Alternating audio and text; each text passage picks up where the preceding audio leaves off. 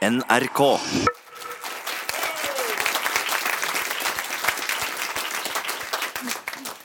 Velkommen til Kulturhuset og en samtale om den norske oljeformuen og grønn industriutvikling. Mitt navn er Magnus Engen Marsdal, og er leder for Manifest Tankesmie, som arrangerer dagens seanse i samarbeid med Framtiden i våre hender.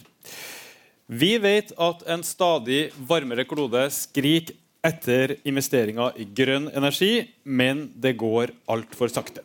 Og Samtidig så vet vi at klimakrisa er en eksistensiell utfordring for en meget oljeavhengig norsk økonomi.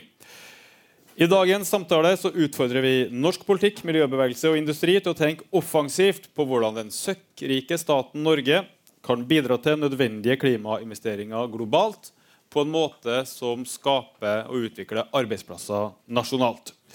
Dere skal få møte leder for Framtiden i våre hender, Anja Bakken Riise. Aker Solutions senior vice president Egil Beium. Stortingsrepresentant Åsmund Aukrust fra Arbeiderpartiet. Men først en velkjent miljøveteran og panelets eldste i dag. Ta godt imot professor og tidligere leder for regjeringas lavutslippsutvalg, Jørgen Randers.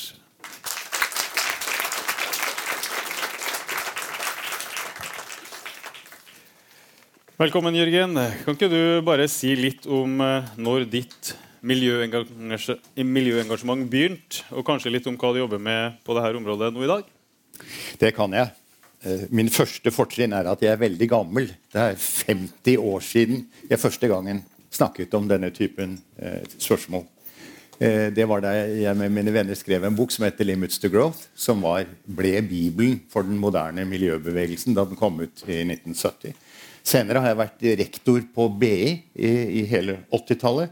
Jeg har vært styreleder i tre norske banker. Jeg har ledet det første grønne investeringsfondet her i landet. Og så var jeg, som du sa, eh, leder for regjeringens lavutslippsutvalg, som så på hva Norge faktisk kan gjøre for å redusere sine klimagassutslipp eh, dramatisk over de neste 30 årene. Vi rapporterte i 2006. Det jeg driver med nå, er å være fremtidsforsker. Jeg driver med modellbaserte analyser av hva som burde ha vært gjort for å løse verdens eh, største problem, som er klimaproblemet.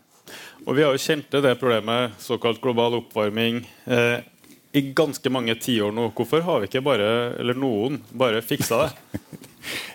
det er fordi at det faktisk er dyrere å løse problemet enn å fortsette som nå. Det krever altså det er lavere bedriftsøkonomisk lønnsomhet i de tiltakene som trengs. Og det krever omstilling, dvs. Si tap av arbeidsplasser å gjøre det. Og siden næringslivet ikke ønsker å drive med mindre lønnsomme ting, og folk flest er mot tap av arbeidsplasser, så står vi veldig fast. I makro så er løsningen nemlig meget enkelt. Det eneste vi trenger å gjøre, både i Norge og i hele verden, er å ta og flytte arbeidskraft og kapital fra skitten produksjon til ren produksjon. Og Det er ikke store skiftet som skal til. Det er et par prosent av arbeidstakerne og et par prosent av kapitalen som må flyttes fra fossilt basert aktivitet til grønn aktivitet. La oss ta et enkelt eksempel. Det er ikke vanskeligere enn å få tysk industri og tyske industriarbeidere til å holde opp å produsere fossile biler og istedenfor produsere elektriske biler. Kompetansen er der, evnen er der. Det er bare et lite skift som skal til. Hvorfor skjer ikke det av seg selv? Jo, fordi at en elektrisk bil er dyrere enn en fossilbil. og følgelig så er det ikke lønnsomt å, å sette dette i gang.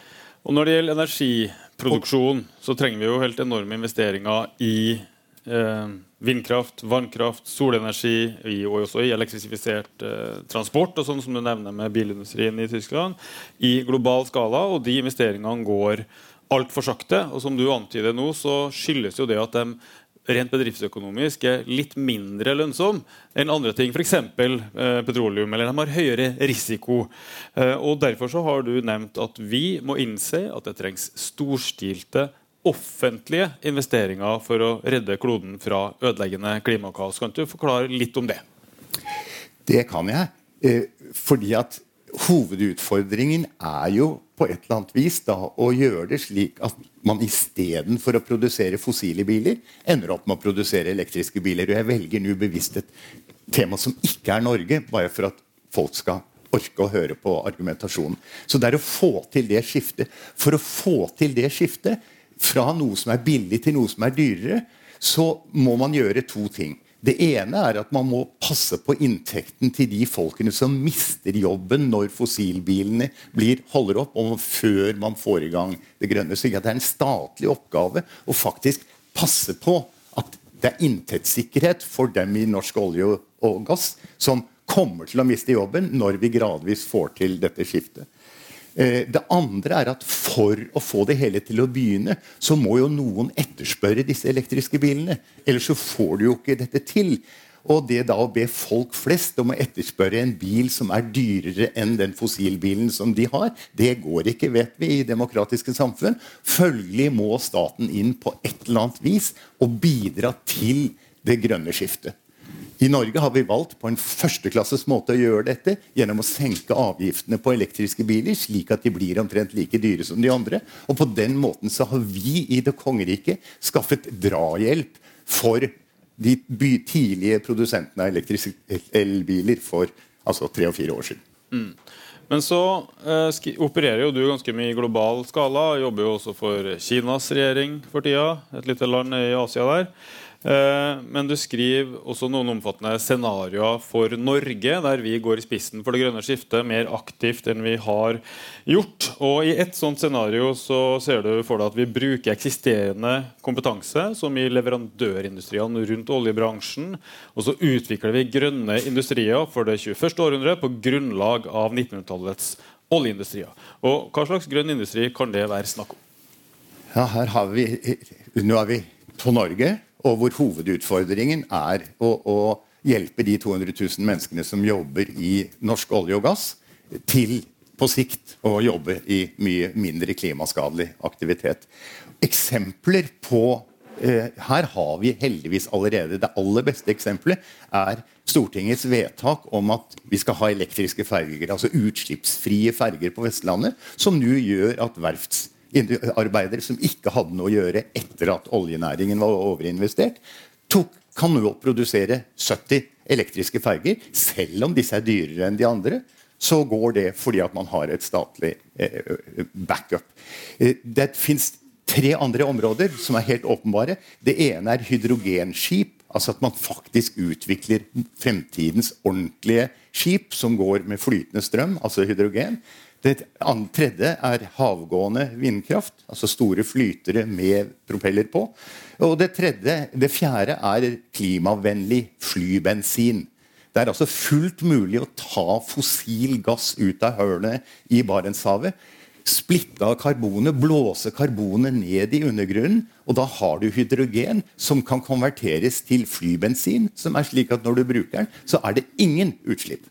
Dette er fire ganger dyrere enn vanlig flybensin. Hvis jeg var konge, hadde jeg forbudt alle nordmenn å fly, fly med vanlig bensin. Og så bare må de fly med ordentlig ren bensin istedenfor. Vi snakker bl.a. om at de som lager oljerigger og tilsvarende i dag, kan lage flytende havvind i morgen. Og vi skal ha en grønn industri i stedet for en fossilbasert industri. Men hvorfor er vi opptatt av industri? Det er jo noe av andre ting at land kan drive på med. Kan klippe håret på hverandre, drive med høyere utdanning, ha frokostmøter osv. Så, videre. så har industrien noen privilegert plass i en sånn nasjonaløkonomi? Du er lidderlig god. Underholdningsbransjen, f.eks. undervisning kommer til å virkelig være en av de store vekstsektorene fremover. Hvorfor er vi opptatt, eller hvorfor er noen opptatt av industri? Det er fordi de ikke tenker klart. Det de burde være opptatt av, er valutainntjening. Det eneste grunnen til at industrien har vært så viktig, er at den har vært en av de store bidragsytere av, når det gjelder valuta. Slik at det vi trenger, er nok valuta til å betale for de utenlandske tingene, de utenlandske varene og tjenestene vi bestemmer at vi har lyst til å bruke. Altså de Spania-feriene osv. Så, videre. så vi må produsere noe som andre land vil kjøpe? Helt riktig. Og hvis du da ser på behovet For tiden så selger vi jo olje, eh, og på den måten så får vi nok valuta. Eh, det vi trenger hvis vi holder opp med olje og gass, er i størrelsesorden 300 milliarder kroner i valuta fra annen type aktivitet. Og Da er det bare å sette seg ned og begynne å tenke gjennom hvilke sektorer er det man kan utvikle i tilstrekkelig grad. Fiskenæringen har jo allerede meldt seg og sier at de skal øke med 100 milliarder. Altså, de tar egenhendig en tredjedel av, av jobben. Eh, jeg ville foreslå at metallindustrien altså vi bør ikke bygge ut mer kraft, men vi kan ta den kraften vi har og konvertere den til aluminium istedenfor å drive og, og selge den annet sted. Da kan du gjøre litt. Vi kan gjøre litt på Kongsberg våpenfabrikk med IT-teknologi og den typen ting som, som, som, Erna snakker mye om. Men jeg tror i sum så er det ikke lett å komme helt opp i disse 300 milliardene som vi trenger. Så jeg har foreslått at vi skal bygge en stor eksportturistnæring. Altså at vi bare legger opp til et, et svært opplegg hvor vi tar inn dyre, altså rike eh, kinesere. Kjører et opplegg som koster 10 000 kroner dagen istedenfor sånn billigturisme som vi holder på med i øyeblikket. Lager en asfaltert, flott rute gjennom Norge med vakre hoteller og fine pensjonater og hvalsafari og filibom-bom-bom, som ikke besudler resten av landet, og som vi kjører som en maskin. Og når jeg har regnet på dette, så burde vi kunne få inn 70 milliarder kroner på et opplegg som tar inn to eller tre svære superjet hver, hver dag. Ja, der har jeg alltid lurt litt på Jørgen Randers sin sånn turistscenario for Norge. Alle de kineserne han skal ha hit med eh, store lommebøker, hva, hva, som er karbonavtrykket på å flytte dem hit. Men vi skal ikke gå inn på det nå. Jo, skal... svaret er min karbonfrie flybensin. flybensin. Ja, det er bra. Fordi at hvis staten var klok nok til å be Statoil om å, sorry, Equinor om å produsere dette og insistere på at alle turister som skal til Norge, flyr med den typen bensin, så løser du hele fotavtrykksproblematikken. Vi må videre, men eh, siste spørsmål. Du snakker jo om det at eh, staten må ta et ansvar for investeringer i industriproduksjon, grønn energiforsyning og annet som ikke er lønnsomt nok sett fra en kommersiell investor sitt eh, ståsted. Og hvis vi skal bygge ut bare en brøkdel av all den vindkrafta man trenger i verden, så er jo det enorme investeringer. Og har det norske fellesskapet den slags midler? Ja, selvfølgelig har vi det. Vi kan jo gjøre akkurat hva vi vil. Vi har jo vår egen valuta. Og i tillegg så har vi ikke gjeld. Altså Vi har et oljefond med 10 000 milliarder kroner. Så vi kan jo gjøre absolutt hva vi har lyst til. Det er bare Vi må bli enige om det, og det er jo det som sannsynligvis ikke kommer til å skje. Dessverre. Men hvis vi bestemte oss for å bruke si 50 milliarder kroner i året på å utvikle altså havvind og elektriske ferger og, og, og min jetfuel, så ville vi om ti år ha en svær næring sant, som sysselsetter masse folk, som da er i stand til å levere den typen produkter. Spørsmålet er vil da de produktene på det tidspunktet være konkurransedyktige med de andre tingene som eksisterer. Vel, it remains to be seen. Hvis resten av verden faktisk beveger seg på klimasiden, så vil svaret være et rungende ja. Vi må gå videre. Tusen takk til Jørgen Randers. Ta plass i panelet. Velkommen opp. Neste deltaker, leder i Framtiden i våre hender, Anja Bakken Riise. Og eh, du Skal vi se. Hørte jo Randers her ta til orde for det med offentlige investeringer. At vi ikke bare kan vente på kapitalistene for å få fart på grønn energiproduksjon, andre klimaløsninger. Og Hva tenker du og framtiden i våre hender om rollen til finans og til investeringer i klimakampen? Mm. Altså, det enkle svaret er jo at finans og, og, kapital er kjempeviktig. Eh, rett og slett fordi vi trenger enorme investeringer i årene framover. Ifølge New Climate Economy så trenger vi eh, ett oljefond hvert eneste år, altså 10 000 milliarder norske kroner hvert eneste år framover, investert i fornybar infrastruktur dersom vi skal nå klimamålene. Når man hører på Jørgen Rander, så høres det jo veldig enkelt ut. Jeg vet ikke om det blir like enkelt. Ehm, men, men det vi også vet, er at industrien vår er ekstremt gjeldsfinansiert. Derfor har finansinstitusjoner en veldig viktig rolle ved at de kan bestemme hvilke fabrikker, eh, hvilke infrastrukturprosjekter er det som skal få finansiering. Eh, altså er det finansinstitusjoner som sier veldig mye om hvordan kommer verden til å se ut i morgen. Og Det er derfor vi i Framtiden i våre hender har jobba med det her i så mange år. Fordi vi ønsker å flytte pengene fra det som er dårlig, til det som er bra, for å forme verden sånn som vi ønsker at den skal se ut. Og bare Et veldig konkret eksempel også på eh, hvilken rolle finansinstitusjoner kan ha.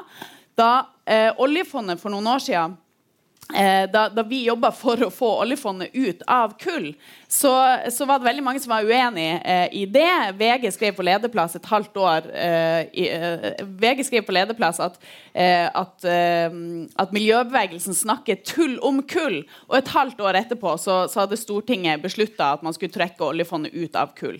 Den beslutninga der Eh, ble fulgt opp av investorer over hele verden. Enhver stor eh, investor med, med, respekt for seg sjøl har nå trukket seg ut av kull, og de har kanskje til og med gått enda litt lenger enn oljefondet. Og Det viser hvor raskt ting kan skje når finansinstitusjoner går foran. Og vi ser også at de følger veldig mye med på hva hverandre gjør, og ikke minst hva oljefondet gjør. Hvordan passer en idé om eh, grønn industribygging i Norge inn i framtiden våre henders sitt klimaengasjement?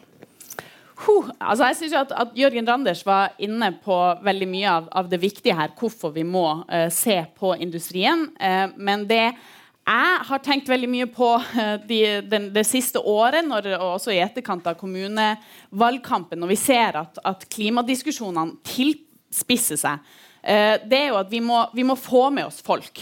Og det som er en av de, mine store frykter framover, er egentlig at vi skal få en sånn at, at, at, liksom, at befolkninga uh, skilles på midten, og at det blir liksom, enten er du får klima, eller så er du får arbeidsplass og industri. Og sånn kan det ikke være.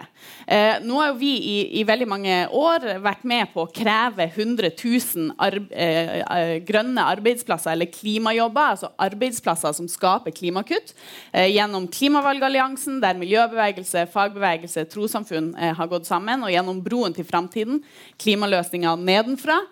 Men det vi ser, er jo at i liten grad har de her eh, kravene og ideene blitt omsatt til noe veldig konkret. Verken fra de politiske partiene eller fra fagbevegelsen. Eh, og, og vi, vi, tenker jo at altså, miljøbevegelsen Det er ikke vi som kan å bygge industri. Det er det fagbevegelse, det er det industrimiljøene. Det bør de politiske partiene også ha kompetanse på. Men nå tror jeg det er på høy tid at vi også eh, hva jeg skal si, eh, komme litt mer på banen og, og stille i hvert fall vår eh, kompetanse, eh, vår kunnskap, til disposisjon. Vi vil veldig gjerne være med på den overgangen. Jeg forstår det sånn at Du ønsker å bygge bro mellom klimaaktivister, industriens fagbevegelse, unngå unødig konfrontasjon og polarisering. Mm. Men finnes det egentlig noen vei utenom en konfrontasjon også, når så mange arbeidsplasser er avhengig av uh, fossil utvinning, og mm. kloden avhengig av at vi slutter med fossil utvinning? Mm. Altså, eh, Full konfrontasjon kan vi unngå. Eh, så vil det nødvendigvis være noen konflikter. Um, men, men, sånn som jeg opplever eh, industrien i dag, så er det eh, så, så, ønsker vi Vi ønsker på en måte veldig mye av det samme, men vi har forskjellige tidslinjer. Eh, så, så, vi vil at det skal gå raskere, vi vil at det skal være større kutt. Eh, mens jeg opplever at industrien og forbundene der har, eh, har bedre tid. Eh, så, så det som er interessant med Norge i dag, tenker jeg, vi har ikke i utgangspunktet knapphet på kapital og på finans. Vi har knapphet på eh, arbeid. Eh, altså, vi, vi, har lav arbeidsledighet i Norge i dag. Og det betyr at hvis vi skal bygge nye industrier, satse på nye områder, så må vi nødvendigvis flytte noe av arbeidskraften over fra der den er i dag. Og i dag så er liksom Olje- og gassektoren er litt sånn støvsuger som tar til seg alt av både eh, kloke hoder og, og, og, for så vidt eh, altså forskningsmidler, subsidier. Vi, vi kommer til å investere nesten ti ganger så mye i olje- og gassektoren i Norge neste år som i elektrisitet og i fornybar eh, produksjon. sånn at det er klart at der må, vi, der må vi gjøre noe. Men jeg tror at hvis eh, vi, jeg tror at det er veldig mulig at vi kan bygge bro, og hvis vi bare blir litt flinkere til å snakke sammen. Eh, fra miljøbevegelsen og fagbevegelsen sammen. Vi kommer tilbake til Anja Bakken Riise fra Framtiden i våre hender etter hvert. Men nå skal vi få opp en eh, sånn støvsuger her.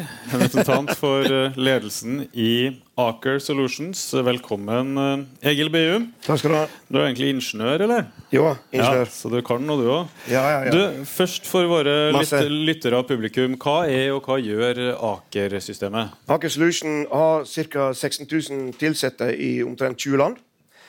Vi leverer produkt og tjenester for plattformer og undervannsinstallasjoner. Hovedsakelig da, til olje- og gassmarkedet, som alle er klar over. Men de siste åra har vi faktisk utvikla teknologi og fått ordrer innenfor flytende havvind, som du har toucha litt på, og innenfor karbonfangst. Eh, sammen med Kværner så har Aker- Aker-konsernet veldig mange verft, fabrikker, kontor rundt i Norge.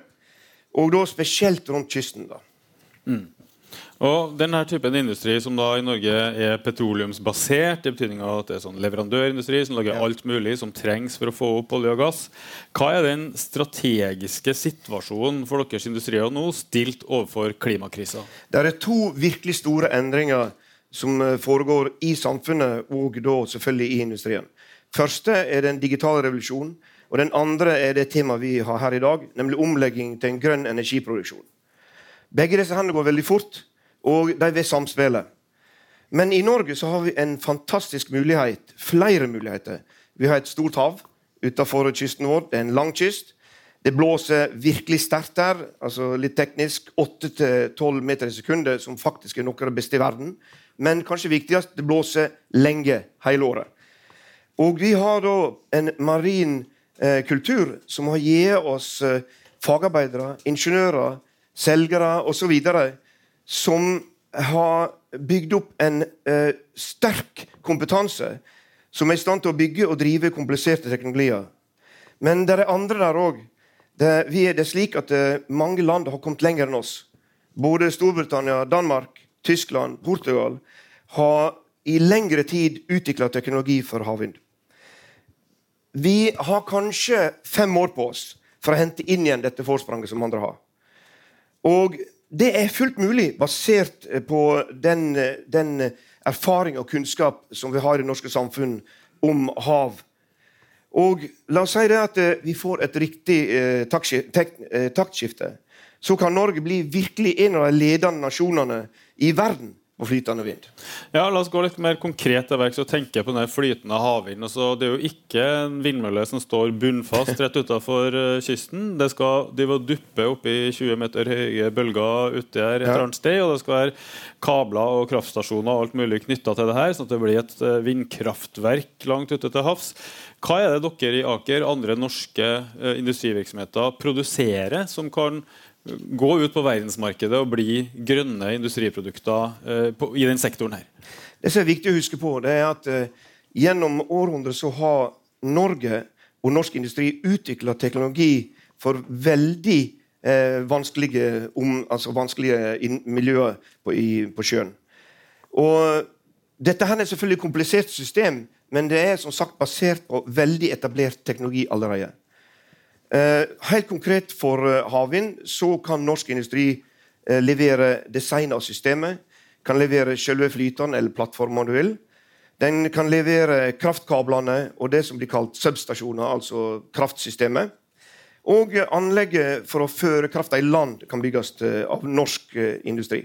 Det eneste som norsk industri antakeligvis ikke kan gjøre, for det er for seint, det er selve turbinen. Fordi det er andre, andre ja, som lager altså Danmark, bedre Tyskland Og jo, selvfølgelig kommer kineserne nå, da. Men det tror jeg kanskje er et eh, kapittel som har gått. Det gikk når vi ikke var med i eh, den landbaserte vindsatsinga.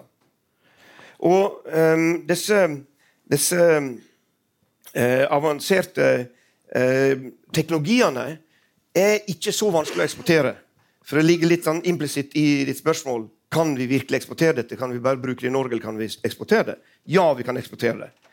Fordi at det har en høy teknologibarriere for andre å komme inn i. Men det er klart at eh, de andre landene som vi bygger eh, vindkraft ut i, de vil jo ha sin del av det. Så det vil komme krav fra eh, Korea, fra USA, fra til og med Storbritannia, at de skal ha sin del av det. Og da er det typisk Eh, F.eks.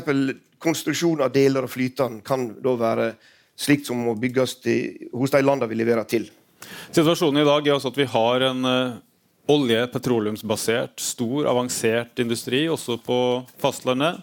Eh, som Det blir solnedgang på det der. det gjør det. Bare spørsmål om ja, når. Og vi har en enorm vekst produsert i flytende havvind f.eks. Men det er et spørsmål om vi kommer oss på det toget, eller om det blir andre som produserer det her. Og så har vi altså 10 000 milliarder kroner i et oljefond som nå investeres i handlegata i London og på alle mulige børsnoterte selskaper, bare ikke her i Norge.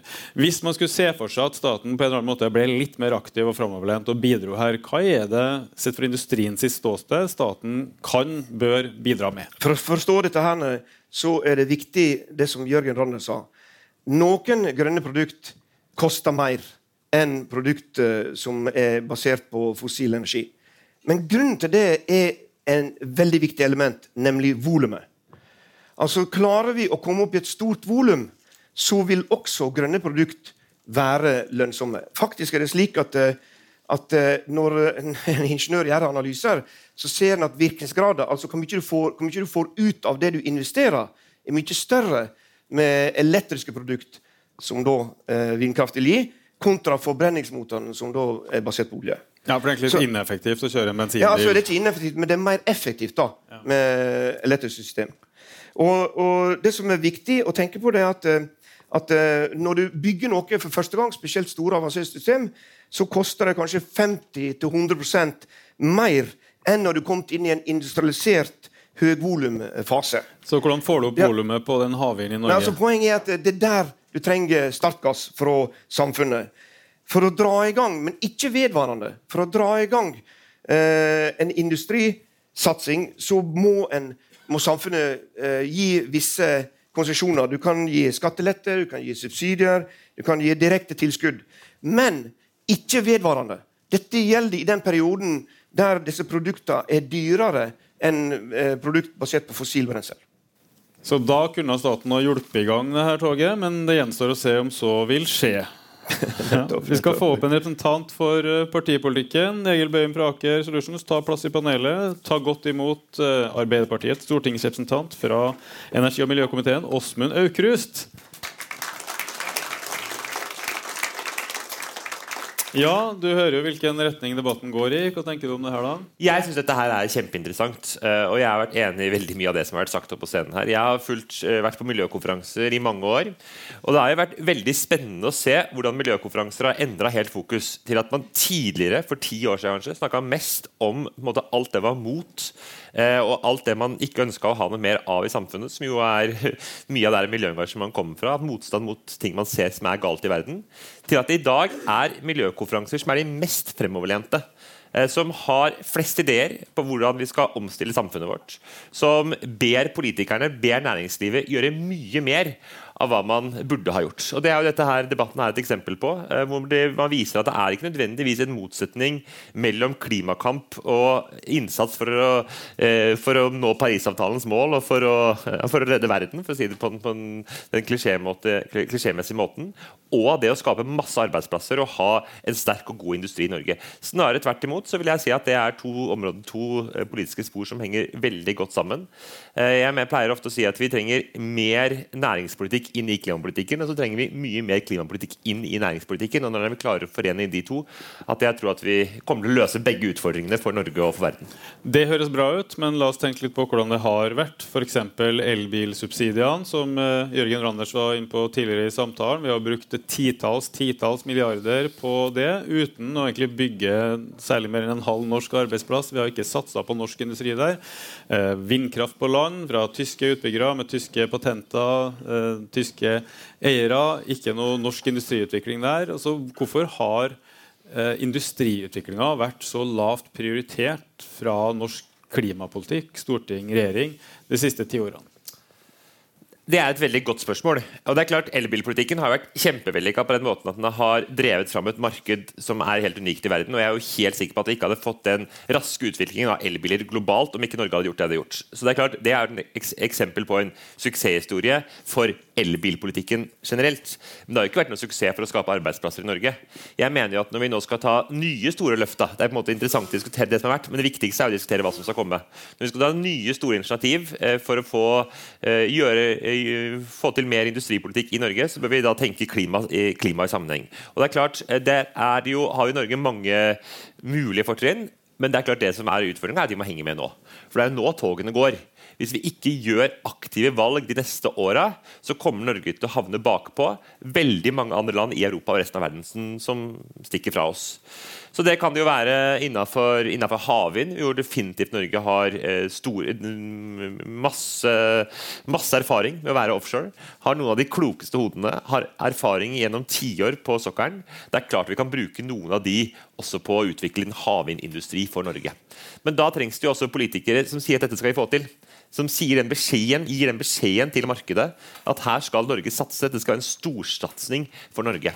Jeg har ikke noe tro på en sånn der, eh, næringsnøytralitet hvor man på en måte bare lener hendene, tilbake, hendene sine tilbake og sier at eh, vi skal ikke velge noen ting. Her får bare ting, det som skjer, det skal skje.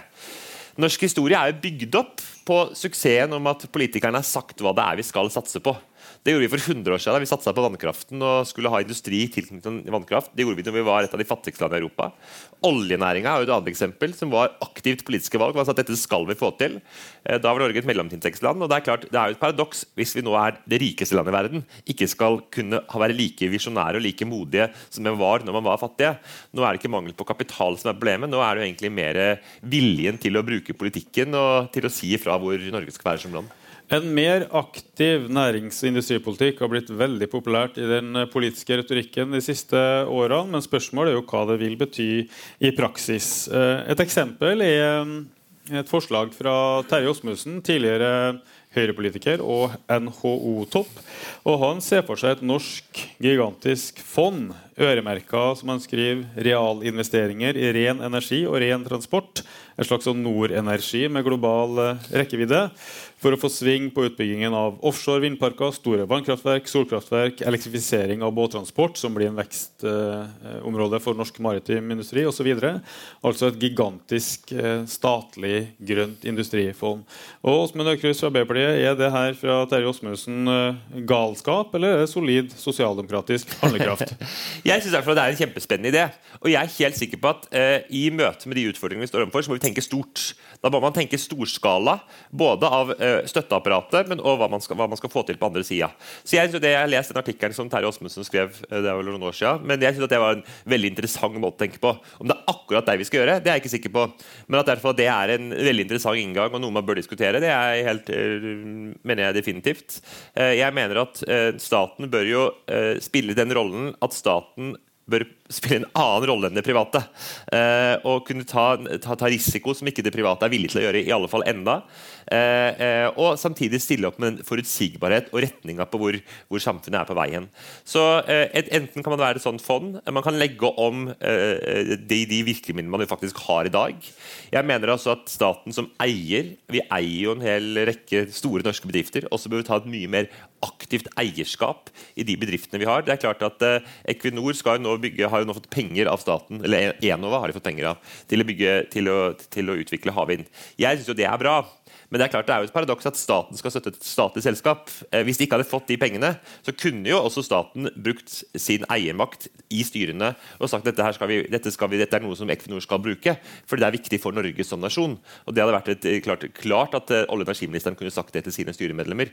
Eh, og jeg mener at vi trenger mye mer aktiv eierpolitikk også for de statlige selskapene som vi eier.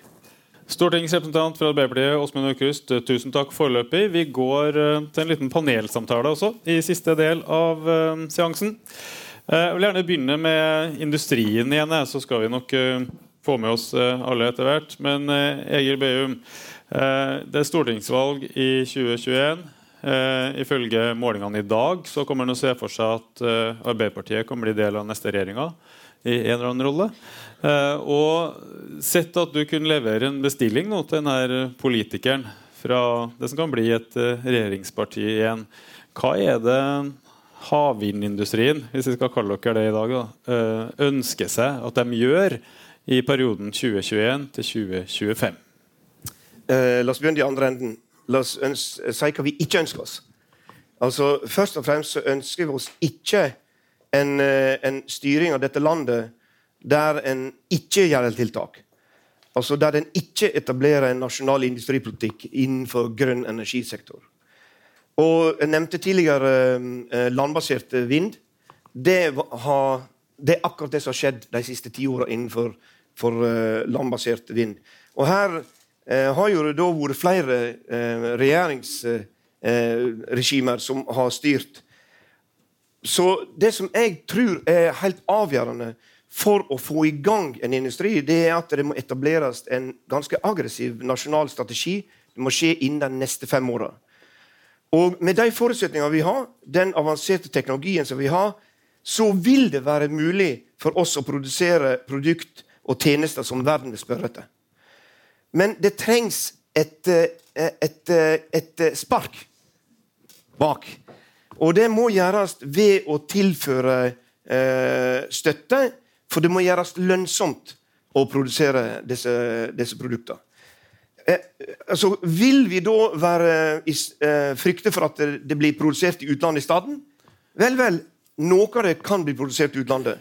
Men det er bedre å ha 40-50% av en stor global kake enn å ha veldig, veldig lite, eller kanskje ingenting, kjøpe kaker fra Danmark, kjøpe kaker fra Kina, ja, for Hvis vi ser for oss da at eh, Norge med sine 10 000 milliarder på bok skulle sørge for at det blir bygd mye mer grønn energiproduksjon i verden enn eh, med dagens takt, eh, så er jo spørsmålet som du sier der, har vi noen grunn til å tro at det blir norsk grønn industriutvikling ut av det, eller kanskje alle oppdragene havner i Korea osv.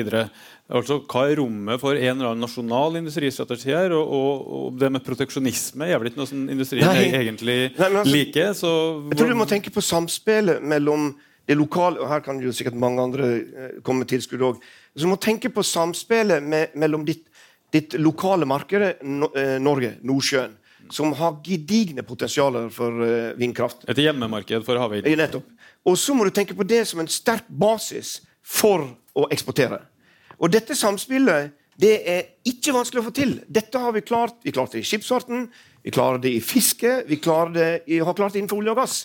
Men det er viktig å tenke sånn at, at du må ha en teknologisk eh, fortrinn, en fordel, som gjør det konkurransedyktige ute i verden. Og det Norge og, kan lage, det er det som er litt mer avansert? da? Som ja, altså, er avanserte ingeniører dette er et komplisert system, og det som er viktig for oss, det er å lage de, de teknologisk avanserte systemene som du kan eksportere. Og fokusere på det. Mens i Norge, for det norske markedet, der kan du tenke på hele verdikjeden. Eh, bare en liten ting også. Hvor mange arbeidsplasser snakker vi om? Jeg så en eh, rapport NHO og Rederiforbundet mm. fikk fra Sintef med et utfallsrom som det heter, si fra det dårligste scenarioet helt til det øverste. og Da gikk det jo også fra 11 000 årsverk knytta til havvindproduksjon for verdensmarkedet i Norge i 2050 til 128 000 årsverk. Ja. Et helt enormt tall etter mine begreper. Men hvordan ser det ut fra Aker? Så snakker vi om titusenvis ja. av arbeidsplasser her? eller hva tror altså, du? Eh, det er to aspekter her, og Jørgen Rannes var inn på dette.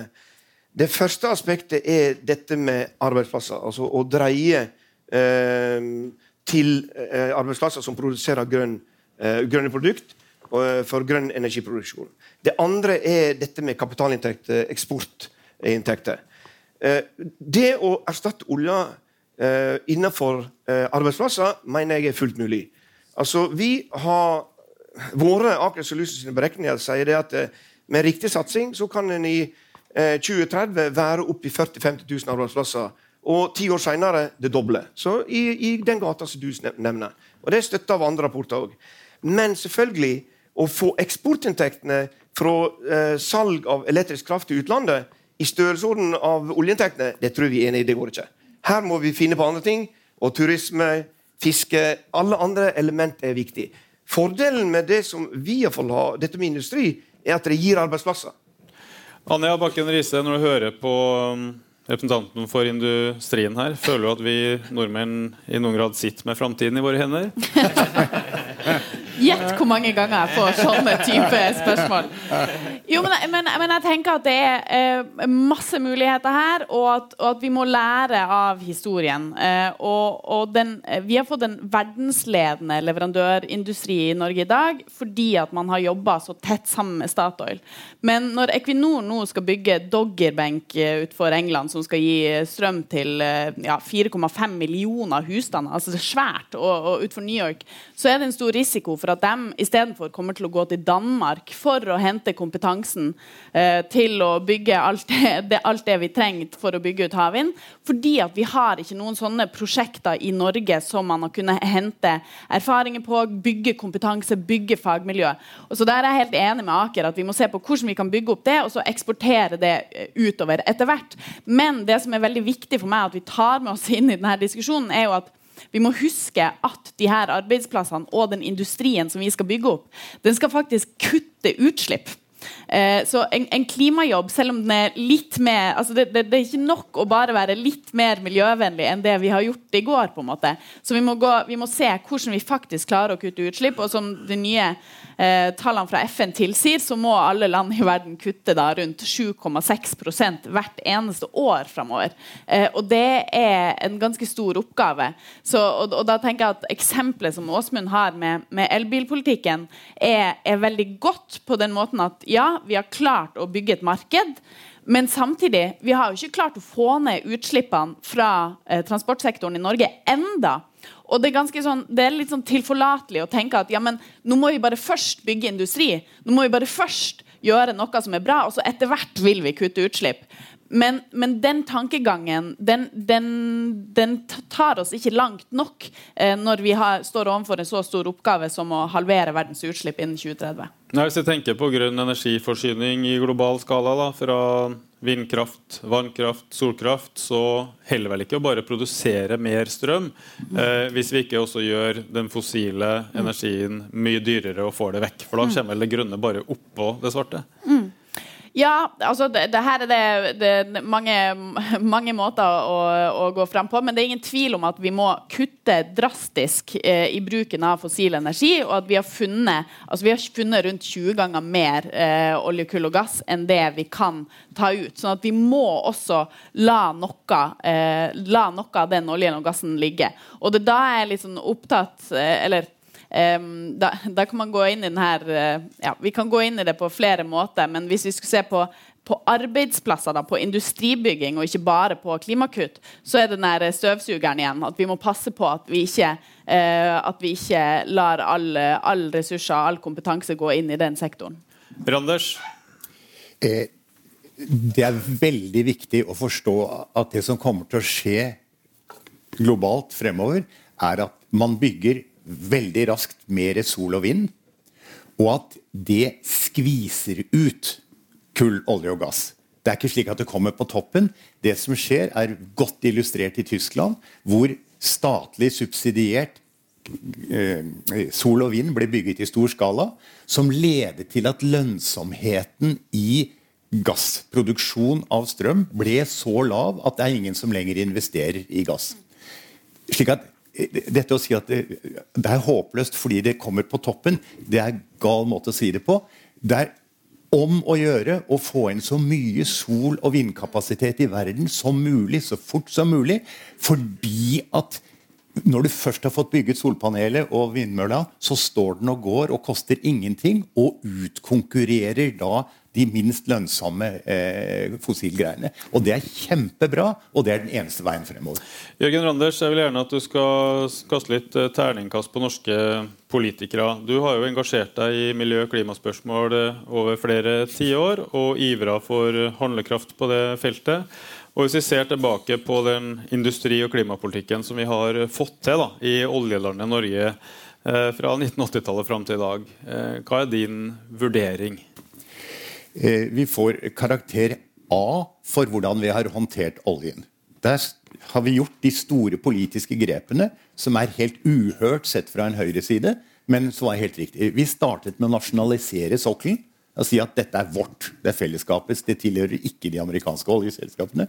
Så sa vi at hvis dere skal bygge det ut, så vil vi gjerne ha vi vil være med på laget. Dere skal lære oss hvordan dere gjør det. Og så satte vi på plass et skattesystem som gjør at vi tar mesteparten av fortjenesten. Helt første klasse, så, så bestemte vi at vi ikke burde bruke alle pengene fordi det leder til overoppheting. Så satte det med et oljefond. Så hittil så har vi gjort allting helt perfekt på det området. Og det er bare å kopiere i et av disse områdene. Og det ser jo da ut som havvind er det hvor det ville være lettest å gjøre det, og med stort nok volum. Og Det regimet ble jo etablert for rundt 50 år siden. Det er jo jubileum for oljenasjonens historie nå. og Vi går inn i en ny og forhåpentlig grønnere epoke. Og vi har fått en diskusjon mellom politikere om oljeformuen, som nå befinner seg i stor grad som finansformue og hvordan den kan eller ikke kan brukes. Og Da har jo Jonas Gahr Støre i Arbeiderpartiet sagt at vi må tenke på oljeformuen som politisk instrument, mens andre, bl.a. fra Høyre, har sagt at nei, det er livsfarlig for nasjonen å tenke på noe annet enn høyest mulig avkastning for neste generasjons pensjon osv. Vi må ha en mer tilbakelent investorholdning. Hva tror du om den debatten framover? Det jeg tror, er at dypest sett så dreier dette seg om å nedkjempe eh, troen på liberale, en liberal markedsøkonomi. Altså, det er slik at det som trengs nå, er to ting. Det ene er omstillingslønn med arbeidsplikt. Altså at staten påtar seg ansvar for inntekten til dem som mister jobb som følge av statlige vedtak, i den forbigående perioden inntil vi har fått bygget opp den lønnsomme grønne greia. Og det andre, som er det viktigste, og som er det vi snakker om nå, vi trenger en statlig industripolitikk for å få til denne vridningen, fordi den ikke skjer av seg selv som følge av lønnsomhetsmulighetene.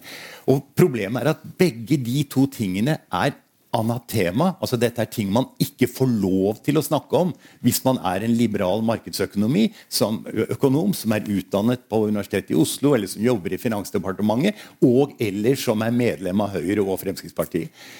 Det som trengs nå, er et brudd med den liberale markedsøkonomien som har dominert Vesten siden den annen verdenskrig. Frihandelsdiskusjonen som nå heldigvis kommer opp, er jo integrert i dette.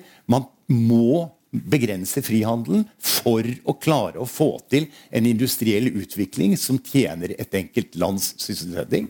Heldigvis så, så jeg i dag at nå er WTO, altså Verdens handelsorganisasjon, faktisk nådd sitt toppunkt, og heretter kommer det til å gå nedover. Og vi ser jo tendensene eh, med brexit og, og alle de andre tingene. Åsmund Aukrust, du er en ganske ung generasjon i Arbeiderpartiet. Er du på høyde med radikalismen til en herren her som sier 'nu' osv., eller sitter eller sitt den liberale markedsøkonomien fortsatt i veggene hos eh, det partiet som eh, ligner mest på Finansdepartementet?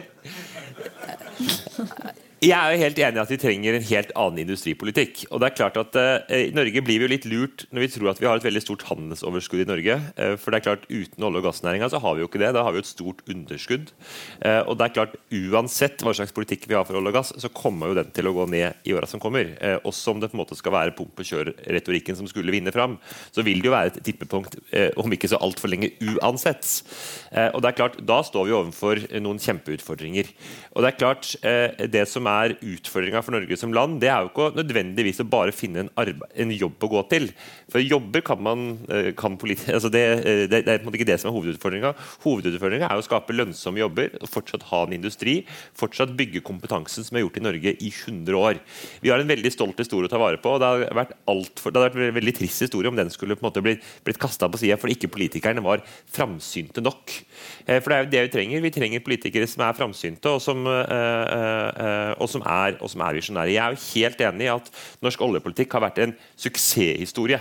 Vi har klart noe som ingen andre land i verden har klart. Funnet en ressurs, brukt den på fellesskapet, skapt masse arbeidsplasser og i tillegg skapt et evigvarende fond som skal skape pensjoner ut i framtida.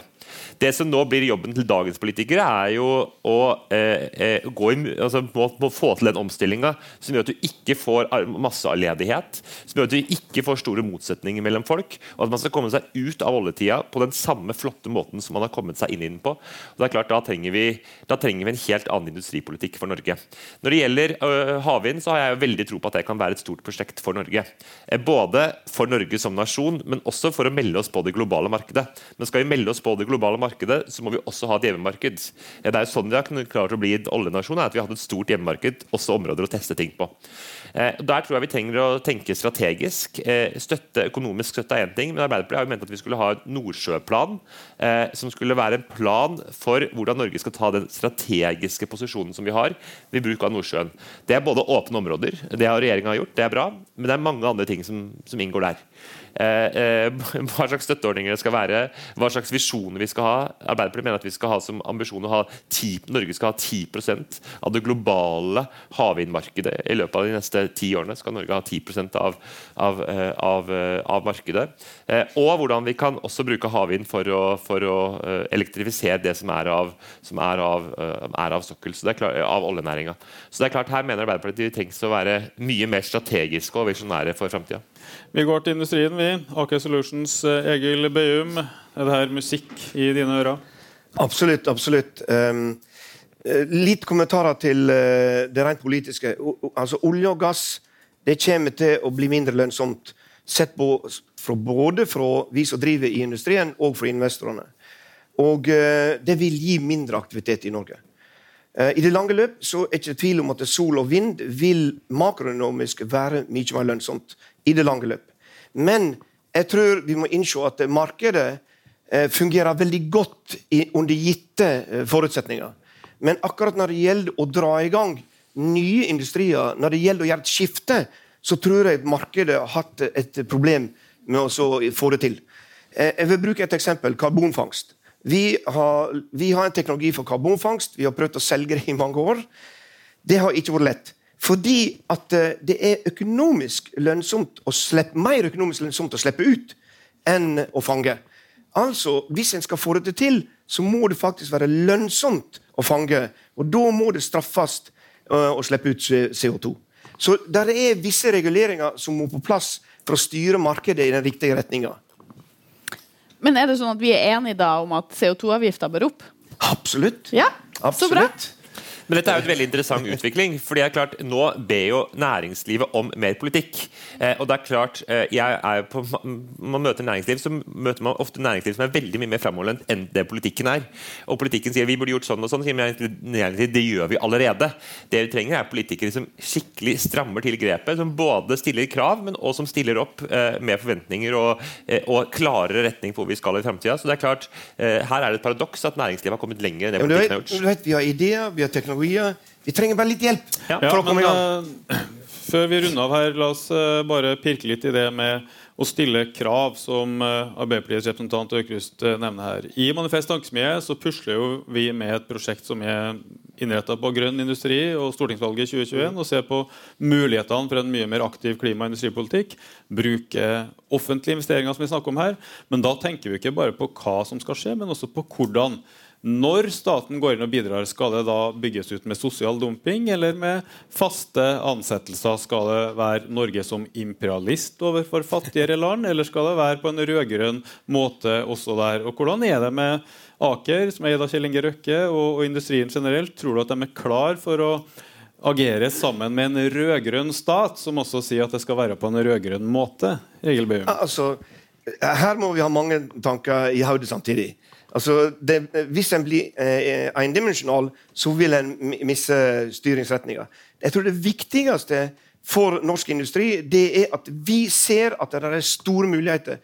Vi ser at naturen vår har gitte forutsetninger som kan bringe oss til å bli verdensledende innenfor visse segment innenfor grønn energiproduksjon. Men vi trenger at staten, representert ved de styrende, den regjeringa som styrer, må komme inn og sette retninger. Og det må de gjøre med økonomiske midler. Og det er klart det ønsker vi å, å, å velkommen. Vi ønsker ikke som en permanent ordning. Vi ønsker som en startgass, for å bruke et uh, oljebegrep. Anja Bakken Riise, jeg tror vi må begynne å slutte opp pga. klokka her. Men du kan få si litt om det her, eh, du òg. Hvordan tenker fremtiden i våre hender på hvordan ting foregår, og ikke minst Norge sitt forhold til fattigere land, hvis vi skal bli en sånn grønn energiimperialist? Mm. Altså, Vi eh, har jo vært veldig opptatt av det når det kommer til oljefondet, som nå eh, åpner opp for å bruke opptil 2% av fondet på det som heter unotert fornybar infrastruktur. Det er solcelleparker, det er vannkraft, det er eh, alt eh, som bidrar med fornybar energi. Men der vi ser at det er potensielle konflikter, ofte snakk om uh, urfolk eller lokalsamfunn som må flytte pga. Uh, opprettelsen av disse infrastrukturprosjektene. Og der det er jo akkurat det samme som i Norge. De konfliktene som oppstår når det skal bygges vindkraft eh, her også. Så der ser vi at det er mange dilemmaer, men at det også finnes muligheter for å håndtere det. Vi har gitt ut en rapport sammen med Kirkens Nødhjelp om nettopp det, hvordan man kan redusere risikoen for brudd på menneskerettigheter osv. ved de her prosjektene. Det er et veldig krevende felt, men det er ingen tvil om at hvis vi skal klare å nå klimamålene og unngå enormt skadelige klimaendringer, så må vi få på plass enorme investeringer i, uh, i fornybar infrastruktur. Så, så, så, her må vi gå fram på en smart måte, men, men vi må gå framover. Det er dessverre alt vi har tid til i dag. På vegne av Manifest Tankesmie så vil jeg takke publikum og takke panelet. Åsmund Aukrust fra Arbeiderpartiet, Egil Beum fra Aker Solutions, Jørgen Randers, miljøveteran, professor og tidligere BI-rektor, og ikke minst Anja Bakken Riise fra Framtiden i våre hender.